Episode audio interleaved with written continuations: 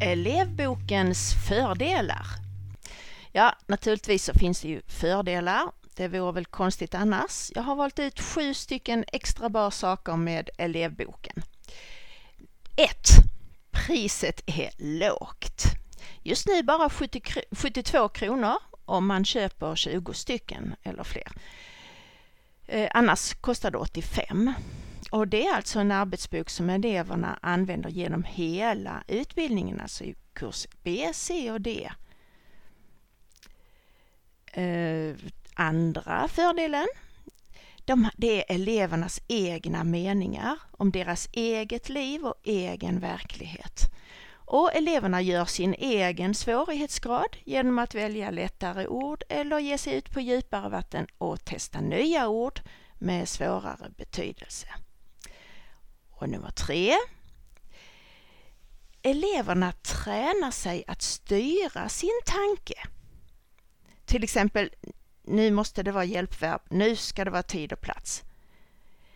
Det, det, det andra sättet som man eh, kan, kan eh, tala och skriva så, det är, är precis lika viktigt. Det är att få ett flöde. Att inte ha en för stark vakt vid munnen som bara vågar släppa ut korrekta meningar.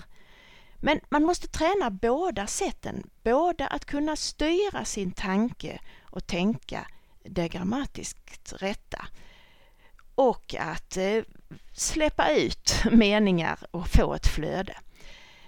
Eh, men har, och har man inget hjälpmedel för det korrekta, för korrektheten, så sätter sig de felaktiga meningarna väldigt hårt och blir svåra att ändra på. Och det är lärarens uppgift att väga samman och individanpassa de här två olika sätten. Dels flödet och dels korrektheten. Och det är just korrektheten som man tränar i elevboken. En annan bra sak är ju att det är samma bok genom hela utbildningen. Du kan ha boken i klassrummet och rätta efterhand. Du använder den kanske en gång varannan vecka eller ibland en gång i månaden om ni följer upp och bearbetar någon viss meningstyp på annat sätt dessemellan. Eh, och eh, nummer fem, då kan ni ju använda elevens mening elevernas alla meningar. Du samlar in dem, du skriver dem i en bra ordning med rättelser. Ta till exempel alla meningarna från övning 6a tillsammans. Det är bindord, men alla meningarna har bara ett verb, alltså presens eller preteritum.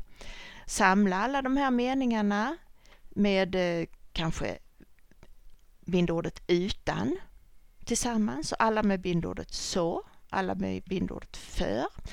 Och ge en, eleverna en kopia med alla de här, då är det kanske 70-80 meningar.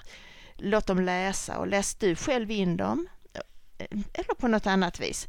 Det är en fantastisk meningsbank för dig som lärare och det är elevernas verklighet. De känner igen, aha den där meningen skrev jag. Det är alltså både kvalitet och kvantitet och det är det som behövs speciellt i studieväg 1. En Eh, ett annat tips, det är nummer sex här. Eh, det är att man faktiskt repeterar allt annat också i grammatiken som klassen har gått igenom tidigare. Och det här har jag upptäckt mer och mer efterhand. Och det känns som extra viktigt för det visar luckor i den enskilda elevens inlärning till exempel adjektivens konkurrensböjning eller pronomenformerna eller stavningen inte minst, liten och stor bokstav och så. Och jag brukar göra så här efter att ha arbetat på olika sätt muntligt på tavlan och med meningsarkivet med en viss meningstyp så arbetar vi alltså i elevboken. Och tillsammans läser vi då först exempelmeningarna och tittar på dem och sen skriver eleverna och jag går runt och hjälper till och korrigerar och diskuterar. Och sen när den lektionen är färdig så samlar jag in för att rätta. Och jag skriver då ett R vid varje rad, varje mening som är rätt och kommenterar mycket kort eh, andra, eh, olika saker, adjektiven, pluralformer, verbböjning, logiken i meningen, skriver in pilar och ord och annat. Eh, ibland bara ett streck för att de måste kolla något själv. Och sen nästa lektion kanske några dagar senare eller en vecka eller kanske 14 dagar. Det beror ju på om eleverna kommer varenda dag eller ej. Så börjar alla lektionen med att kolla alla meningar som inte har ett R. Och på det viset blir det en ständig repetition av både grammatik, betydelse och av stavning.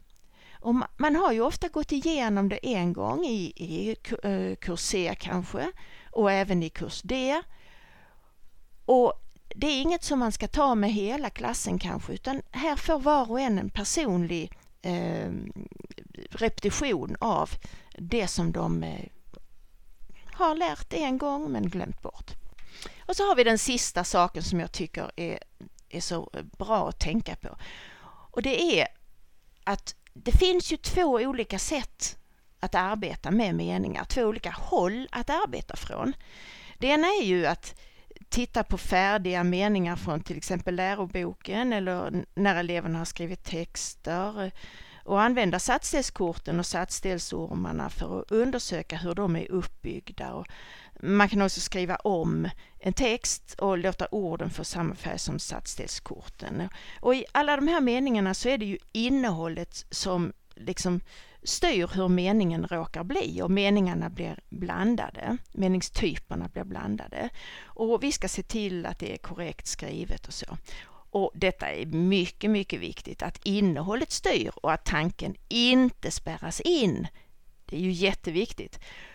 Och det här gör ju eleverna i arbetsuppgifter i de flesta läromedel. Till exempel också när de gör dagbok och berättande och allt annat skrivande. Det är super, superviktigt. Men där är ett annat sätt också och det är det som Se meningen erbjuder. Och det finns ganska sällan med i elevernas egna eh, läromedel, eh, klassens läromedel och det är Eh, det behövs mycket också, speciellt för studieväg 1 som inte är vana vid att analysera så mycket. Och det är alltså från andra hållet. Eh, att eleverna måste styra sin mening, sina meningar efter vad färgerna visar. Och att de, de måste kunna tänka, ja nu ska jag ha två verb, ja nu ska jag ha plats och tid. De måste tänka utifrån grammatiken och utifrån ett, ett mönster. Och en del tycker kanske att ja, men vi ska bara använda det första sättet. Eh, men det som händer när man kompletterar med eh, elevens, ska vi säga styrande menings eh, meningsbyggnadsarbete, det är att de blir så medvetna om vad de olika satsdelarna står för. Och de, de förstår hur man kan flytta runt byggstenarna i meningarna. Och den medvetenheten kan ge ett rikare och mer varierat språk när man sen lämnar SFI. Lycka till!